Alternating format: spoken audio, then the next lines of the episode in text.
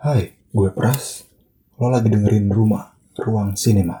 Sebelum kita mulai, gue mau kasih peringatan untuk kalian nggak suka dengerin spoiler, sebaiknya nonton filmnya dulu. Tapi kalau nggak masalah sih, lanjut dengerin aja.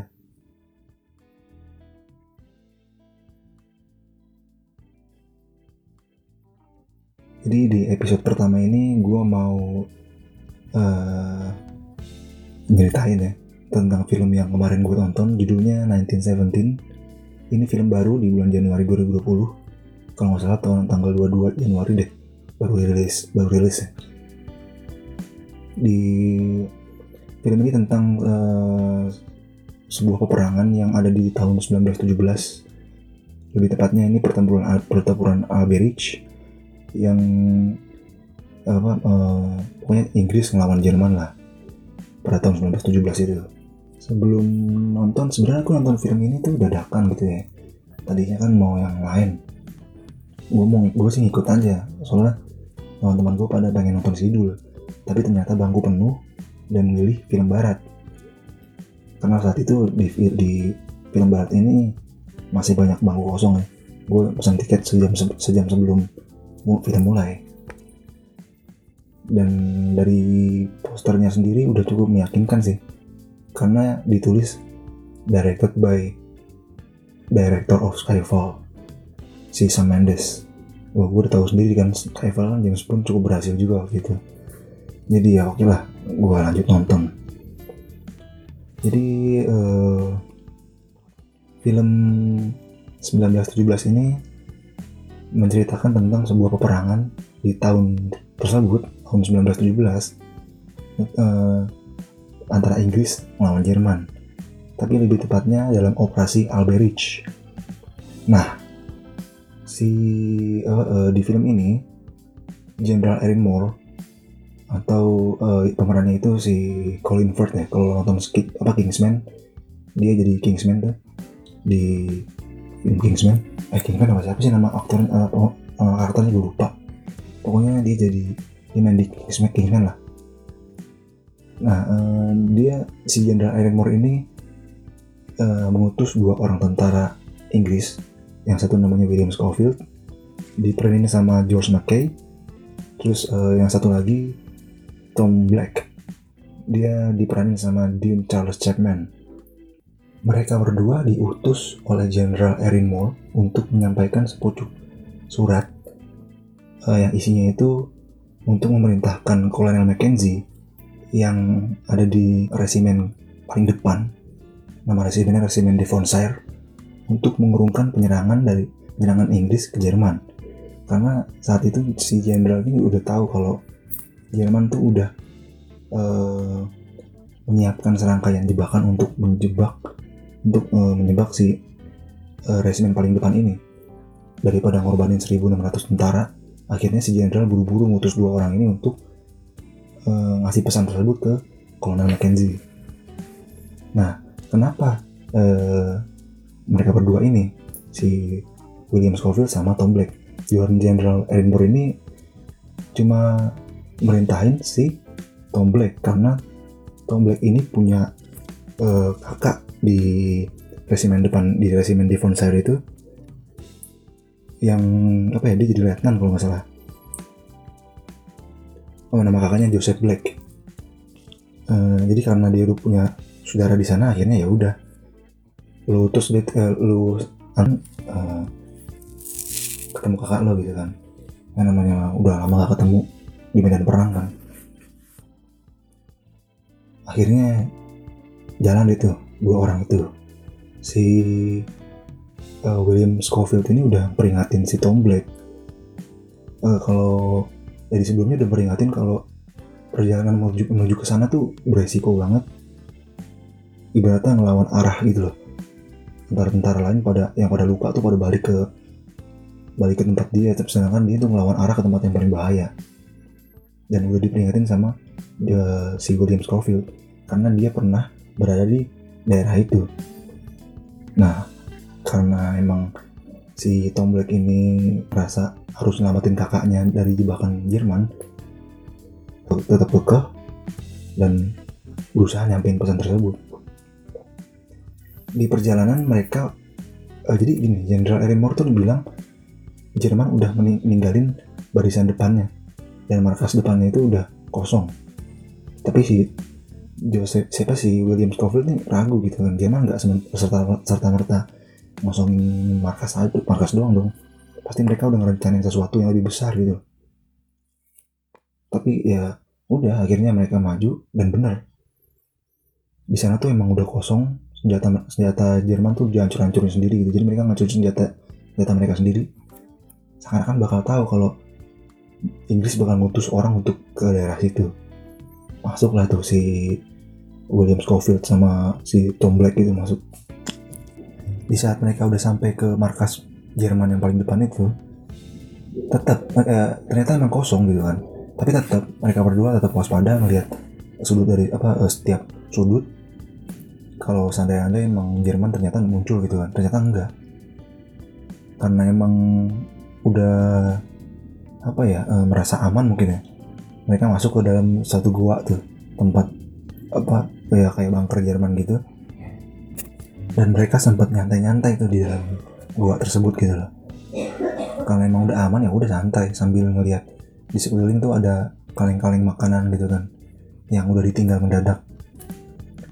Akhirnya uh, mereka coba entah gimana ya pokoknya di situ ngelihat apa uh, mereka ngelihat jebakan gitu loh. Jebakan kayak kawat keinjek apa kalau nggak salah uh, sontak si William kaget. Akhirnya udah sewaspada mungkin tetap bom itu meledak. Untuk tuh gua nimpah si William. Tapi untungnya si uh, William ketimpa puing-puing. Si Tom mental ke tembok. Tapi meskipun udah ketiban puing tetap aja tuh si William masih selamat kan akhirnya. Akhirnya mereka keluar. Gue lupa kalau nggak salah sudah apa sebelum itu gitu? Mereka tuh ngeliat ada ember isinya arang ditendang ternyata arang itu masih nyala berarti Jerman kan baru ninggalin darah itu gitu. Kayak emang mencurigakan kan? Kok tiba-tiba ninggalin dan baru ninggalin juga?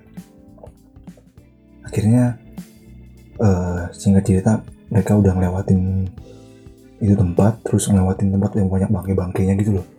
Oh enggak sebelum ke bunker itu mereka ngelewatin tempat banyak bangke-bangke kuda manusia gitu kan mayat-mayat pada limpangan di situ benar-benar deh uh, merinding gitu. Dapat banget atmosfer mencekam ketika perang gitu. Selama ini gue liat film perang tuh gak sampai ngeliatin mayat-mayat yang limpangan nyatu sama lumpur. Akhirnya mereka sampai di apa uh, ngelihat sebuah ini. Apa namanya uh, kayak rumah peternakan gitu loh kayak farm gitu. Semacam peternakan yang udah ditinggal kosong digadah dari rumah. Dicek nggak ada apa-apa makanan pun untuk dicuri nggak ada. Nggak ada apa-apa untuk bisa dibawa lah ibaratnya. Akhirnya ketika mereka udah uh, oh si William akhirnya ini ngelihat sapi tuh. Ada satu sapi masih kesisa masih hidup. Dan dia ngelihat ada ember penuh susu bekas merah si sapi dimasukin datang ke botol gue pikir bakal diminum ternyata itu bakal jadi alur apa bakal berguna di satu scenes nanti gitu di pertengahan. Akhirnya uh, mendadak mereka langsung lihat ke arah, ke arah langit tuh. Dia ngelihat pesawat pesawat Inggris sama Jerman tuh lagi tempur. Kalau nggak salah uh, pesawat pokoknya lagi tempur gitu. Terus salah satu pesawat Jerman jatuh di ladang itu ladang peternakan itu kan hampir nimpa mereka berdua. Pesawatnya hancur kebakar tapi pilotnya masih hidup pilot Jerman. Diselamatin lah sama si Tom. Ditarik dari pesawat pesawat itu meledak. Terus kesakitan kan katanya kakinya kebakar akhirnya di, dibantuin. Padahal itu tentara Jerman. Si Tom teriak manggil si William. Ambilin air akhirnya diambilin dah air. Si William ke kayak ada tempat sumur kecil gitu bukan sumur sih kayak tempat air itulah tambungan air diambil pakai topinya. Eh lagi ngambil air. Si Tom ditusuk sama si pilot Jerman. Kurang ngajar ya gimana gitu kan. Udah apa namanya ditolongin malah ditusuk juga pakai pisau. Ditembak waktu tentara Jerman sama si William. Dan sedihnya di sini si Tom nggak ketolong. Dia tewas titip pesan ke William untuk tulis surat ke ibunya sama sampai salam ke kakaknya. Dengan wah itu sedih banget di sini tuh. Kayak kan masalahnya kan yang ditugasin si si Tom Black itu kenapa jadi dia yang mati gitu kan. Akhirnya uh, bro, dia sempat mau nolongin si si William sempat mau nolongin si Tom untuk bawa ke bawa pulang tapi nggak bisa. Akhirnya meninggal di sana tewas pas lagi sedih-sedihnya begitu tiba-tiba datang lah tentara Inggris uh, resimen lain lah gue ngerti. Tapi masih masih tentara Inggris gitu kan. Uh, si tentara ini uh, let letnan atau apa ya pokoknya pemimpinnya itu leadernya itu diperanin sama Mark Strong. Uh, dia ternyata Mark Strong dan pasukannya itu gue lupa nama karakternya jadi si Mark Strong si Mark Strong itu yang main itu ya Kingsman juga yang botak tuh kalau lo tahu. Uh, dia itu datang sama pasukannya pasukannya banyak gitu. Dia ke situ karena ngelihat pesawat Jerman jatuh dan berusaha disamperin ada apa nih? Siapa tuh yang jatuh? Gitu kan dicek. Ternyata pesawat udah kebakar pilotnya udah mati si Tom udah mati sisa si William. Akhirnya diajaklah William ke tempat ya menuju sana lah. Menuju ke, ke tempat eh, kayak hutan gitu loh tempat si resimen di Fonsar itu. Uh, singgah dulu gitu kan. Mereka ke sana. Di tengah perjalanan dia akan ketemu sama teman-teman tentara yang lain. Ya di situ masih murung lah. Pokoknya dapat support lah dari teman-teman di situ. Akhirnya turun dari mobil karena jembatannya rusak. Jadi sebenarnya dia harus lewat jembatan tuh mobil tapi karena jembatannya ambruk dia harus jalan kaki nyebrangin itu sungai. Nah di film ini tuh yang paling gua suka setiap perjalanan si si William Scor William siapa setiap perjalanan si William Scofield ini benar-benar mencekam gitu loh. Jadi kita jadi gue tuh yang nonton kayak anjir ada apa lagi nih? Sunyi gitu kan pelan pelan pelan takutnya dia nembak ternyata gimana gitu. Di sebelum sebelumnya sih paling yang gak ada yang nembak sih maksudnya ya gitu aja.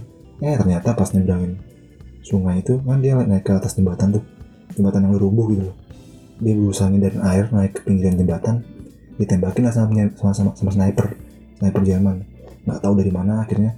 Dia kabur masuk uh, berusaha nyamperin itu sniper. Naik ke sebuah tower gitu bangunan gitu. Lantai duanya lantai tiga gitu dibunuh lah tuh Jerman tapi dia juga tembak. Tembak di bagian kepala untung pakai topi besi kan. Topinya mental dia pingsan jatuh ke tangga palanya kebentur. Nah di situ pingsan. Blank tuh hitam. Ada jeda jeda waktu di situ. Pas bangun dia melek ngeliat ke arah jendela itu ternyata itu udah markas Jerman. Reruntuhan-reruntuhan bangunan itu tuh udah dikuasai sama Jerman banyak pasukan. Ada, ada lampu suarnya juga kalau nggak salah. Lampu suara apa ya kayak lampu yang di pinggir laut tuh. Kalau buat kapal itu tuh berarti suara nah kayak gitu. Kayak lampu pantau gitu kan terang. Nandain nandain kalau pas di tempat itu banyak pasukan. Dia jalan ke ibu berusaha sembunyi-sembunyi. Di situ ketemu sama ibu dan anak yang bersembunyi dari tentara Jerman. Ternyata dia juga orang Jerman deh kalau nggak salah atau gimana ya pokoknya bahasanya bukan bahasa Inggris. Ngomong bahasa Inggris itu susah gitu. Kayak kurang ngerti susu yang tadi dibawa sama si William ini dikasih ke bayinya. Dan sebagai sebagai gantinya si ibu ini uh, si ibu yang si anak ini ngikat uh, uh, di ngemar perban palanya si William yang kebentur bocor itu kan. Palanya berdarah. Akhirnya hari udah terang dia mulai naik lagi ke atas. Lanjutin perjalanan tuh. Wah itu dikejar-kejar tentara Jerman tuh. Bener-bener dikejar, dikejar berapa orang tuh sampai akhirnya dia berhasil kabur gak ketahuan keluar dari kota yang runtuhan kota, kota runtuh itu dan akhirnya uh, singkat cerita berhasil lah ke dia nyamperin divisi Devonsar sebelum ke divisi Devonsar itu dia kalau nggak salah jatuh loh. Dia nyemplung apa lompat ke sungai karena dikejar Jerman itu kan. Waktu oh, ke banting terombang ambing arus sungai dan akhirnya ke air terjun. Sampai akhirnya dia mau mati. Dan satu scene di sini yang paling bikin gue emosi terharu tuh. Emosional gitu ya. Dia tuh nangis di apa di ketika dia habis tenggelam habis habis berusaha hanyut. Kan dia hanyut tuh berusaha pegangan pakai kayu batang kayu pohon gitu. Dia ke tepi di situ udah dia udah kehilangan senjatanya kehilangan uh, alat-alat tas yang dibawa gitu kan. Hanyut entah ke mana. Dia nangis men. Nah di sini anjir bisa begitu beratnya gitu loh. Cuma nganterin pesan doang sampai harus pertaruhin nyawa dia. Temennya tewas. Ya bermati berapa kali tuh di film ini kan? Akhirnya lagi nangis gitu dia tiba-tiba diem karena dengar suara uh, orang nyanyi. Disamperin lah. Dan ternyata itu sekelompok uh, spesimen Devonshire yang di barisan depan itu. Ditanya-tanya lah di situ. Tanya-tanya ternyata itu baris, uh, divisi kedua divisi pertamanya ada di depan udah di parit-parit yang dibikin untuk nyerang. Di warzone lah ibaratnya udah di warzone. Di zona perang. Di situ wah gila. Gua nggak habis pikir sih udah nyampe tapi ternyata nggak mudah gitu nyampe dapetin si Colonel Mackenzie ini. Nyari satu persatu. Diomelin lah tuh kan dibentak-bentak sama apa uh, tentara-tentara sana kan. Misalkan kayak nanya ada, ada yang lihat Colonel Mackenzie nggak ada nggak tahu gue. Gitulah ibaratnya dibentak-bentak agak frustasi. Nanya terus coba nanya lagi nanya lagi. Nggak ada yang tahu. Akhirnya ketemu sama malah sampai nanya orang autis eh enggak sampai nanya uh, tentara yang ketakutan. Dikirain itu Colonel Mackenzie taunya bukan. Ditanya lah sama satu uh, kayak letnan gitu kan. Salah satu kapten gitu lah yang mimpin uh, regu-regu gitu. Mimpin regu. Wah Colonel Mackenzie masih di sana. Masih 200 sekian ratusan sekian meter lah gitu. Jauh dong kalau ikutin parit kan bolak belok kan bolak beliku susah. Akhirnya ini yang paling gua bingung apa ini agak-agak mikir nih nih sih gimana caranya dia supaya cepet sampai ke sana padahal perang udah dimulai. Akhirnya yang gue kaget dia naik ke atas parit ke permukaan tuh. Gampang dong untuk ditembak Jerman. Dia naik terus si, si, si komandan regu yang di bawah juga udah teriak kan weh lu gila kali. Woi woi teriakin dia tetap jalan lari men. Di tengah-tengah warzone pas perang dimulai itu tentara dari parit tuh naik semua. Sor, dia tuh ngelawan jadi kayak uh, tentara itu lari pada ke arah depan ke arah Jerman. Dia lari nyamping di tepi parit tuh uh, di tepi parit tapi di atas di, di, di permukaan tanah gitu. Dia lari uh, sampai hampir kena bom hampir ketembak uh, ditabrak sama tentara lain yang lagi maju mau perang kan. Gimana sih bisa bayangin tuh? Wow nah di situ dia jatuh bangun jatuh bangun akhirnya nyampe ke Colonel Mackenzie. Nggak percaya Mackenzie kalau dia ini disuruh nganterin pesan. Akhirnya ya udah ya udah tanya ini surat. Dia buka tuh surat. Oh ternyata benar dari Jerman. Eh dari Jerman. Dari Jenderal Moore perintah langsung. Disuruh mundur dah tuh nggak tentara di sini uh, uh, ini ini sebenarnya titik paling klimaks nih dari film. Si oh, di adegan dia lari nyebrangin area warzone itu itu scoring soundnya emang uh, musik musik soundnya musik back soundnya itu emang udah gila banget sih emosional banget. Klim, gue bilang klimaks kenapa? Karena udah jadi musik si, si komposer ini kan Thomas Newman ya. Gue pikir Hans Zimmer soalnya musik-musiknya hampir mirip tuh komposisi nggak tahu nggak ngerti deh komposisinya. Pokoknya alunan biola sama string orkestranya tuh orkestranya hampir mirip sama Hans Zimmer gitu. Hans Zimmer kan kalau di lu nonton Batman v Superman The Dark Knight Inception eh Interstellar kan kayak gimana sih kayak kayak solid banget gitu sesuai dramatis gitu. Emosional bikin lu merinding kan gitu gimana gitu. Gue pikir gitu taunya Thomas Newman gue baru tahu juga nih keren juga ternyata. Uh, di situ klimaks karena adegan paling merinding paling berbahaya paling beresiko. Dan di situ gue nggak tahu dia bakal mati apa enggak karena ini film nggak bisa dibaca. Akhirnya uh, selesai ketemu sama Colonel Mackenzie misi udah terpenuhi tapi tetap dia akhirnya nyari uh, si Joseph Black kakaknya Tom Black temennya yang tewas itu. Dicarilah ke bagian yang jadi dia nanya orang katanya coba cari di bagian korban-korban. Dipikir mati kan dicari satu-satu. Di situ ngeri juga. Ada tentara tak korban tentara, tentara korban perang yang tidak kakinya harus diamputasi teriak-teriakan kesakitan matanya udah bukannya udah nggak jelas hancur pakai perban segala macam udah oh, darah semua deh. Itu udah kayak waduh kayak apa ya kayak nggak mungkin hidup sih. Kayak jadi kayak tenda gitu di sini orang pada orang pada sekarat gitu loh ada mayat-mayat yang udah mati. Hampir putus asa kan? Akhirnya udahlah putus asa. Eh ternyata si Joseph Black ini kan dia sebagai letnan nih kalau nggak salah. Dia ngomong terus apa kayak menghimbau anak buahnya untuk tentara lain untuk ayo yang luka sini dirawat dirawat buruan. Didengar suaranya dan akhirnya ketemu. Nyampein pesan ke si Joseph Blake kalau Tom Blake udah meninggal adiknya udah meninggal tewas terus ini sedih juga sih si Joseph Blake nangis dan nahan air matanya tuh emang laki-laki kan kalau nangis kayak gitu ya. Nahan gitu. Beda sama nangisnya si si William Scofield ini pas dia di tepi sungai itu memang nangis kencur banget. Tapi ini enggak ini nahan gitu kayak nahan emosi. Berusaha untuk tetap tegar. Akhirnya Joseph Black udah nerima. Menerima kematian adiknya lah. Di situ udah film uh, berakhir tuh. Diakhirin sama si si William Scofield akhirnya balik kayak skin awal gitu. Duduk di, di apa rebahan di sendiran di pohon. Kan awal gitu juga tadi gue lupa jelasin ya di awal tuh uh, kalau di awal bedanya dia sendiran di pohon tidur di pohon di, di bawah pohon sama si Joseph Black eh sama Tom Black. Tapi kalau yang di akhir dia tinggal sendiri gitu. bayangin kan sedihnya gimana? Ditinggal temen gitu kan. Di skin yang sama di, di sini yang sama. Uh, terus akhirnya ya udah segitu film berakhir sih. Di situ film selesai.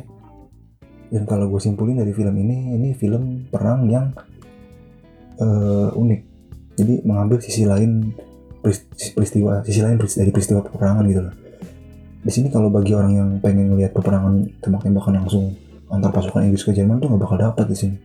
Di sini kayak ya lu melihat uh, misi seorang tentara di luar misi perang secara langsung gitu. Jadi dia harus nyampein, pesan kan jarang uh, film perang yang di sudut pandangin dari situ gitu. Kalau gua sih compare ini sama film Dunkirk. Dunkirk garapan Christopher Nolan. Tapi gue lebih suka film 1917 ini karena gimana ya eh, lebih emosional lebih nggak bisa ditebak. Terus lebih dramatis. Terus apa ya dari sinematografi juga gue lebih suka karena gue liat Christopher Nolan tuh kayak setiap film tuh hampir sama kayak kayak gitu-gitu aja gitu dari The Dark Knight. The Dark Knight Rises dah kayak lompat-lompat gitu lah.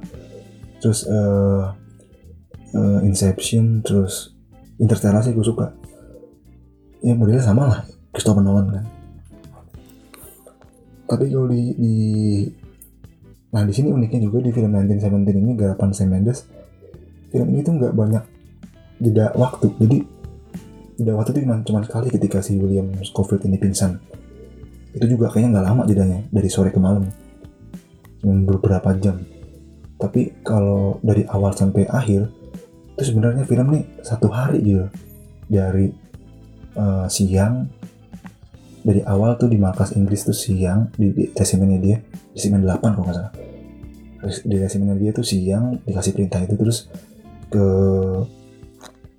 uh, ke tempat uh, peternakan yang tadi gue bilang yang si Tom Black tewas itu di sore.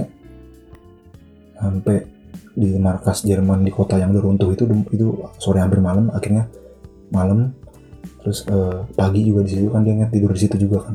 Eh apa uh, pingsan sampai malam menjelang pagi. Akhirnya dia ngelanjutin perjalanan sampai siang lagi gitu. Jadi ya film ini sebenarnya simple.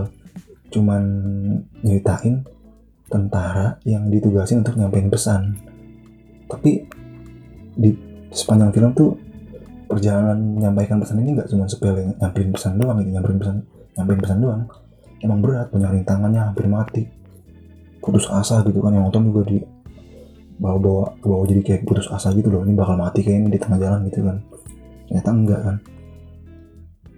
Um, ini film sih buat gue recommended. Cuman ya tadi gue bilang kalau nyari adegan peperangan berantem secara langsung actionnya tuh nggak ada di sini. Minim banget. Lu cuma ngeliat orang perang aja tapi uh, fokus utama lu ya di orang yang nganterin pesan ini. Tentara yang nganterin pesan. Uh, menurut gue sih bagus banget ya jarang film kayak gini. Recommended banget nih buat lu tonton. Masih baru juga nih masih masih di bioskop. Nggak tahu deh kalau di XX1 udah masih ada apa enggak ya? ya harusnya sih masih ada masih baru. Gue nonton di kota sinema sih. Kota sinema. Terus uh, ya ini recommended lah pokoknya. Tonton aja deh. Lo nggak bakal rugi nonton ini. Ya mind blowing ya pokoknya nih film lumayan bagus. Recommended. Terus juga uh, dari sinematografinya diambil teknik one shot dari ya, itu berarti kalau nggak salah sih kalau yang gue tonton sih gue nggak ngerti-ngerti banget ya. Gue juga takut salah ngomong nih jadi uh, koreksi kalau gue salah. Kalau gue lihat sih dia kayak dari satu sisi ke satu sisi itu ke kayak satu kamera gitu loh berjalan gitu. Ngelewatin belakang batu ah jadi seakan-akan kita kayak ngintai dia gitu kayak ngintai si aktornya gitu kan. Terus uh, scoringnya juga mantep banget dari komposisi apa komposernya si Thomas Newman. Ini baru tahu juga nih kalau ternyata dia gue pengen tahu juga nih film apa aja nih yang dia yang dia garap nih Sam Mendes juga nggak diraguin lagi ber, ya kalau lo nonton Skyfall lo tau lah bagus lah. Ya paling itu sih dari gue um, gue nggak bakal kasih nilai sih di sini.